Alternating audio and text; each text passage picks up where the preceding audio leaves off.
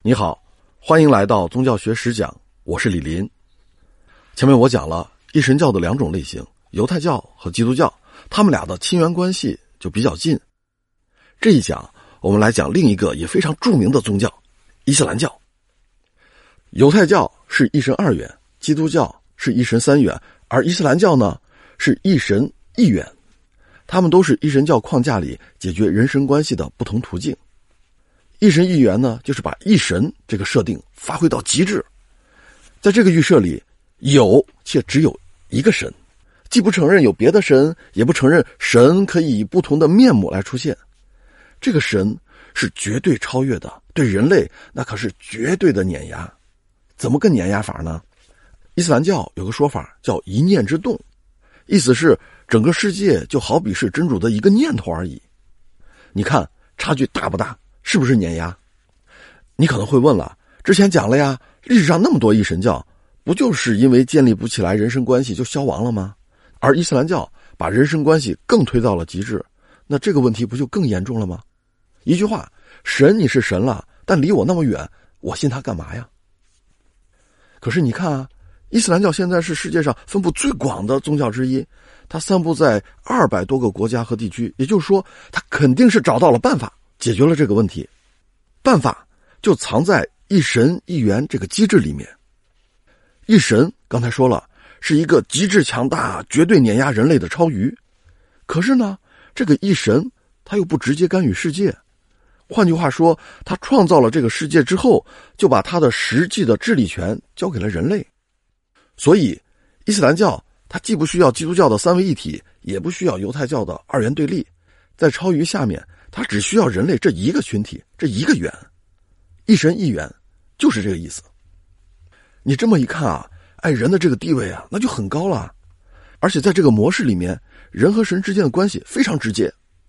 不过，就和其他宗教一样，伊斯兰教现在这个模式，它也不是一开始就有的。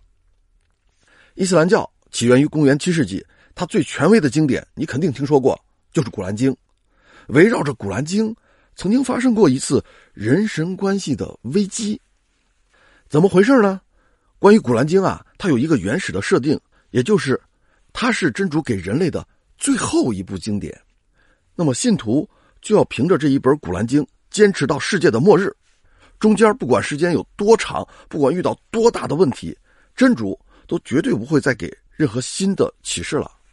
凡是声称有新启示的，那可就是异端了。这是什么意思呢？也就是说，人和神之间的渠道有且只有一个，那就是《古兰经》。这在一开始是没有问题的，但是到了公元九世纪，也就是这个宗教发源大概两个世纪以后，出现了很多新的情况，而《古兰经》里面没有直接规定，怎么办呢？就有许多信徒提出来说：“哎，《古兰经》是被创造的，它不是永恒的，所以时代变了，《古兰经》也可以变通。”哎，你可能会觉得啊。是在当时这么说，他是挺大逆不道的，但其实有的掌权者还挺希望这样的，因为这样他可以把宗教置于王权之下来为自己服务啊。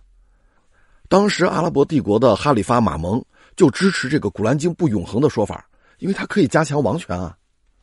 那保守派那绝对是激烈反对的，他们看到了巨大的危险，《古兰经》。是人身之间唯一的界面。要是谁都可以去改变《古兰经》，也就意味着谁都可以去操控这个唯一的这个神。当时呢，吵的是不可开交，怎么办呢？你既然往前一步那么危险，那就干脆定下来，《古兰经》这个渠道和真主本身一样，也是永恒的。但这可就是把《古兰经》定到了类似于基督教里耶稣这个级别了。那老经典遇到新情况该怎么办呢？人就有权来解释了。到这儿，伊斯兰教的一神一元的模式才算完全定型了。超鱼创造了世界，然后留下了一部经典，就从世界退场了。信徒要去找超鱼，那请先到永恒不变的《古兰经》里面去找答案。而《古兰经》没说的地方，那就要靠人的解释了。既然超鱼退场了，留下的空白，那该怎么办呢？那就要人来填补。具体说起来，就是两个字。委托，一方面神无限大，另一方面神又把治理世界的权利下放给人，由人类来掌握。哎，你可能要问了，在一神教的普遍设定里，神不都是全知全能的吗？他既然全知全能，为什么要委托给人类呢？宗教学是这样解释的：阿拉伯社会在九世纪甚至更早的时期，商人的地位就特别高，委托关系在民间已经是司空见惯的了。货主先把物资委托给某个流动的商队，等他们到远方以后，把这个货物卖掉，带回来钱给货主。然后货主呢，再给这个商队一些报酬。伊斯兰教就是以这样一种方式来理解哎造物主和人类的关系，也就是说，世界是真主创造的，委托给人类，人类就像商队，应该使这个世界不断的增值，你这才符合委托方的期待，对吧？伊斯兰教里面有一个术语叫代治者，代真主治理这个词是用来专门称呼人类的。人类就是真主在大地上的哈里发，是的，你没有听错，就是哈里发。哈里发这个词有两个含义，一个是指穆斯林世界的领袖，另一个就是指真主的代治者。你可能要问，委托方通常会选择信得过的人，那么人类凭什么能让真主把世界都委托给他呢？其实啊，古兰经里早就埋好答案了，真主。用泥土创造了第一个人，叫阿丹，也就是全人类的始祖。为了彰显人类的崇高的地位，真主就要求天使们给阿丹下拜，还把万物的名字默默的启示给了阿丹，从而让他掌握了万物的秘密。这样，人类作为真主的代治者治理世界，这就很说得通了。我们来简单回顾一下：一神一元，其实就是先确立神的地位至高无上。但神创造完世界以后，就把世界委托给了人，人和神平时的交流就是通过《古兰经》这个界面来完成的。那么这个模式呢，比起一神二元、一神三元来都要简单，而且神和人呢有一个共同利益、共同的关注点，就是世界。通过世界，两者就联系在一起了。伊斯兰教这样设置有什么好处呢？我只能说好处太多了。我举两点啊。首先，它可以大大的激发信徒的创造性。你看，世界既然交给了人类，那么去认识和探索世界，那这就是人类的使命了。伊斯兰教对于科学活动不但没有禁忌，还有奖励。你知道，哥白尼最早提出了日心说，而布鲁诺为了传播日心说还被烧死。但是你可能不知道，早在中世纪就有好几位穆斯林天文学家提出了日心说，他一辈子也活得好好的。十一世纪的穆斯林他已经认识到地球是圆的，直到十五世纪以前，最先进的航海技术也都一直掌握在穆斯林的手里。其次，具有极大的灵活性，这种灵活性可以适应不同的社会形态，从游牧农耕到城市。一神一元宗教啊，你看起来只有一个神，似乎是非常的严格，但实际上却有着巨大的操作空间，比如。对于逐水草而居的游牧民族而言，他就特别的需要这种灵活性。所以，每当伊斯兰教传播到一个地方，因为人有巨大的行动自由，也就可以把当地的一些传统和习俗包容进来。